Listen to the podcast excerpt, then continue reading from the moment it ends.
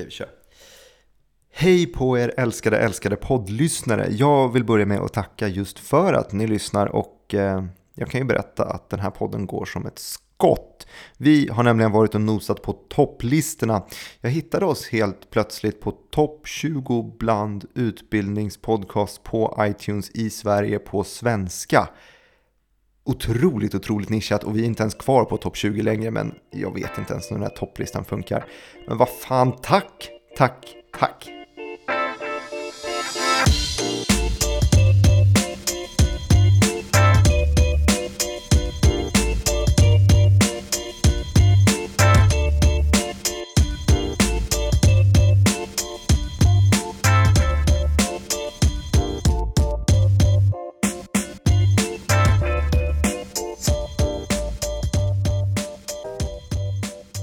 Podcastavsnitt nummer sju tänker jag inleda. Ungefär där vi avslutade podcastavsnitt nummer sex, nämligen vid Nobelpristagare. För i måndags blev det klart att William Nordhaus och Paul Romer har plockat hem det. Och om jag visste hur man klippte in applåder på ett snyggt sätt skulle det väl ske ungefär nu. Men ni får nöja er med mina applåder.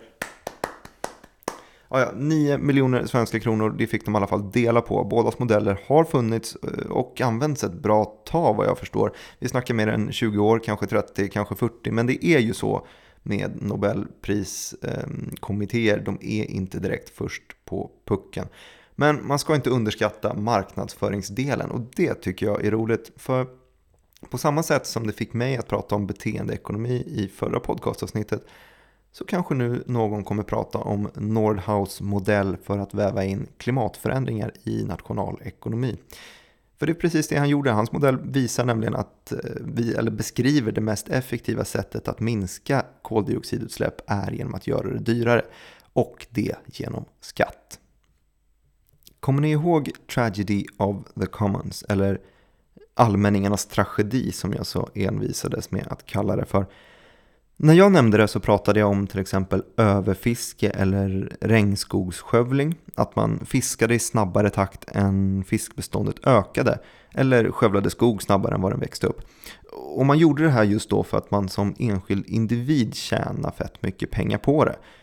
Och tanken här att alla andra ändå kommer fortsätta så det är ingen idé att just jag slutar. Det här var avsnitt fyra kanske när jag pratade om olika typer av varor.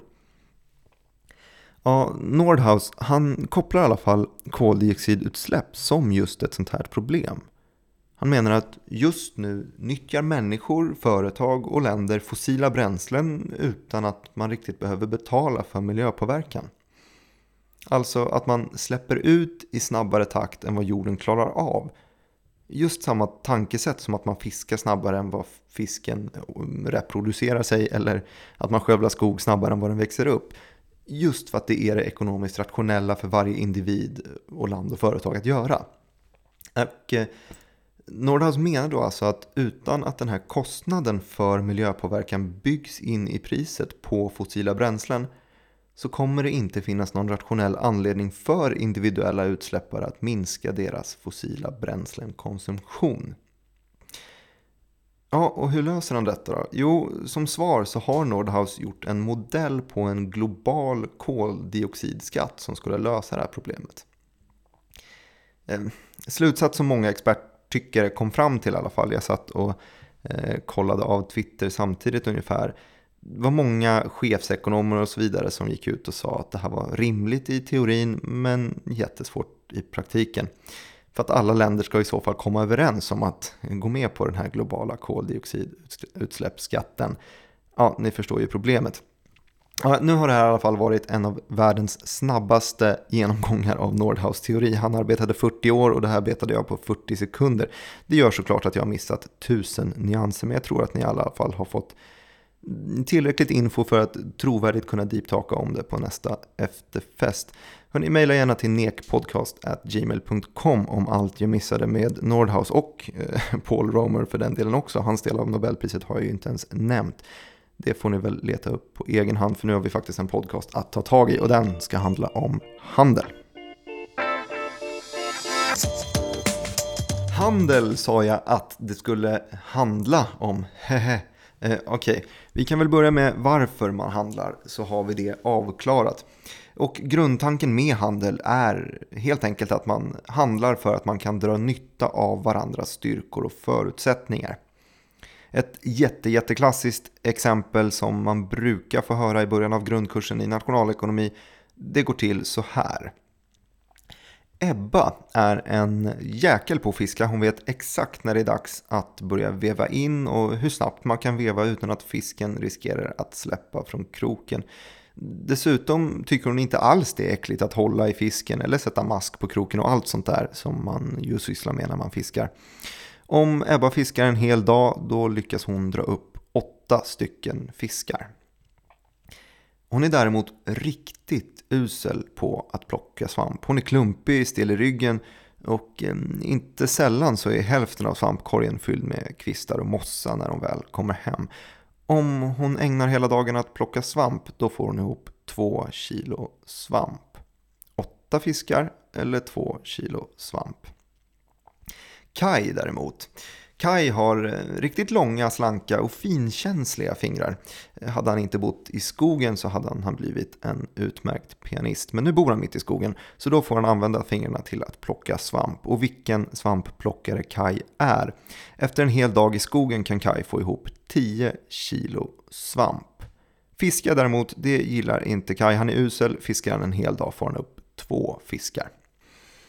Så Ebba kan få åtta fiskar eller två kilo svamp på en dag. Och Kai kan få två fiskar eller tio kilo svamp på en dag. Enligt tallriksmodellen som både Ebba och Kai är väl medvetna om så borde man sträva efter en varierad kost. Så Ebba hon lägger helt enkelt halva dagen med att fiska och halva dagen med att plocka svamp. Och det blir ju då fyra fiskar och ett kilo svamp som hon kommer hem med. Om Kai gör detsamma då får han upp eh, ja, fem kilo svamp och en fisk per dag. Sammanlagt om Ebba och Kai alltså lägger ihop sina eh, arbetsdagar så får de vid dagens slut tillsammans ihop fem stycken fiskar och sex kilo svamp. Fem plus sex. Men om de skulle fokusera på att bara göra det de är bäst på då? Alltså att Ebba lägger hela dagen på att fiska och Kai lägger hela dagen på att plocka svamp. Hur mycket får de ihop då? Jo, Ebba drar ju upp eh, åtta friska fiskar och Kai med de långa slanka pianofingrarna får ihop 10 kilo svamp. 8 plus 10, det är ju mer än 5 plus 6. Nettonyttan är alltså högre om de specialiserar på vad de gör och handlar istället. Den enkla lärdomen här är att handel kan vara gynnsamt. Om vi förstorar exemplet Kai och Ebba och istället förvandlar dem till eh, länder, Sverige och Norge. Norge ligger ju som bekant alldeles, alldeles bredvid Sverige och eh, kanske just därför så är de en ypperlig handelspartner. Och ehm, ja, mycket riktigt så handlar ju Sverige otroligt mycket med Norge. Det är faktiskt vår näst största handelspartner. Men vad handlar vi då? Är det svamp och fisk som i exemplet Kai och Ebba? Nja. Eh, kollar man på norska börsen som jag tycker om att göra så får man en lista med en ganska bra bild av i alla fall vad Norge är grymma på. Och eh, det är väldigt mycket olika eh, oljebolag, det kunde man ju förvänta sig. Det kanske mest kända bolaget också det som väger tyngst på OBX-indexet är Equinor. Det, det, namnet kanske ni inte känner igen direkt. De hette Statoil förut, det är ju mer välkänt. Ehm, sen har vi faktiskt ett gäng bolag som heter ehm, Marine Harvest, Golden Ocean Group, Salmar, Backafrost, Greek Seafood. Ja, alla de gör precis det Ebba gjorde i förra exemplet. De sysslar faktiskt med fiske. Ehm, inte jätteoväntat är alltså våra två största importkategorier från Norge olja och lax. Uppenbarligen så har de lite bättre förutsättningar än vad vi har att få fram olja och lax. Och vad får de i utbyte då? Jo, eh, de får väl lite glada verkstadsprylar från oss bland annat. Vi har stora bolag som Atlas Copco och SKF eh, och sen kanske de får en och annan Volvo, vem vet? Alla är glada i alla fall, alla gynnas ju av handel, eller hur var det nu? Eh, Norge, de är faktiskt bara tvåa. Eh, Sverige har en större handelspartner och det är Tyskland.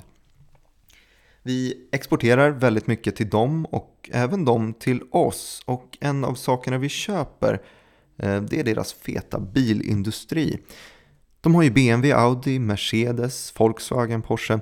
Eh, och det är ju nice med handel, men vi har ju lärt oss om komplement och substitutvaror förut.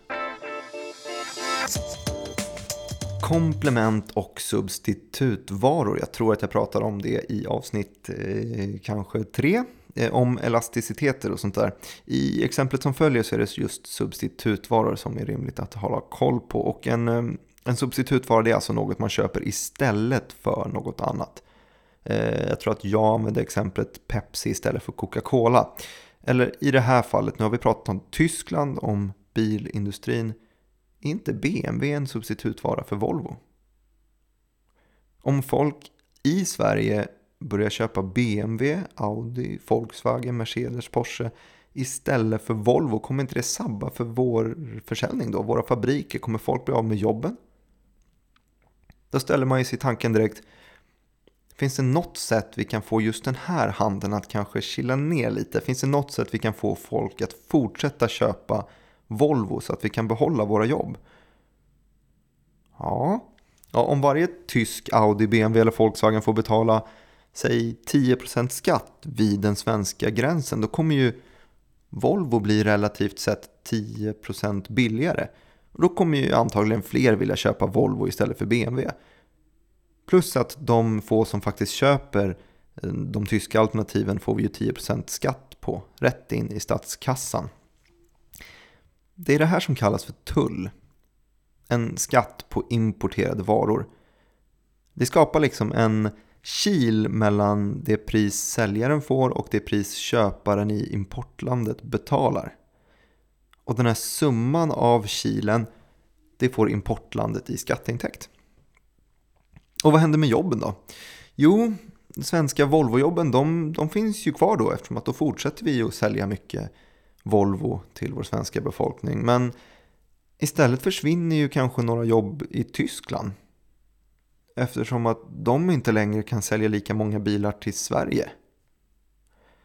Ett givet svar för Angela Merkel då, eller Tyskland, det, det vore ju då att kanske sätta en tull på alla Volvo-bilar vi skickar till dem. För att försvara deras jobb. Vi kan ju inte ha tullar mot dem utan att de har tullar mot oss. Det är ju orättvist. Så de vill ju försvara deras jobb. Summan blir då antagligen att Volvo har blivit dyrare för alla i Tyskland. Och de tyska bilarna, BMW, Audi och Volkswagen och så vidare, har blivit dyrare för oss i Sverige och handel uteblir. Eller minskar i alla fall drastiskt. Och det betyder ju att eh, ja, det betyder att Ebba måste återgå till att sköta både fiske och svampplockningen. Hörrni, just nu pågår faktiskt eh, någon form av handelskrig i världen. Det är främst mellan USA och Kina. De senaste månaderna har USA satt upp tullar mot hundratals kinesiska varor. Och eh, självklart har även Kina satt upp tullar tillbaka mot amerikanska varor. Lite som jag försökte illustrera i det här Sverige-Tyskland-exemplet med bilarna. Som förresten är, det är helt fiktivt, finns inte mycket sanning i det där. Men det finns däremot sanning i USA-Kina-fallet. Det är ytterst verkligt, man kan följa det i nyheterna och det rapporteras ganska flitigt om det. Det är fruktansvärt intressant tycker jag. Um, amerikanska presidenten, hans uh, argument, han heter ju Donald Trump, hans argument har länge varit att det handlar om att skydda de inhemska jobben.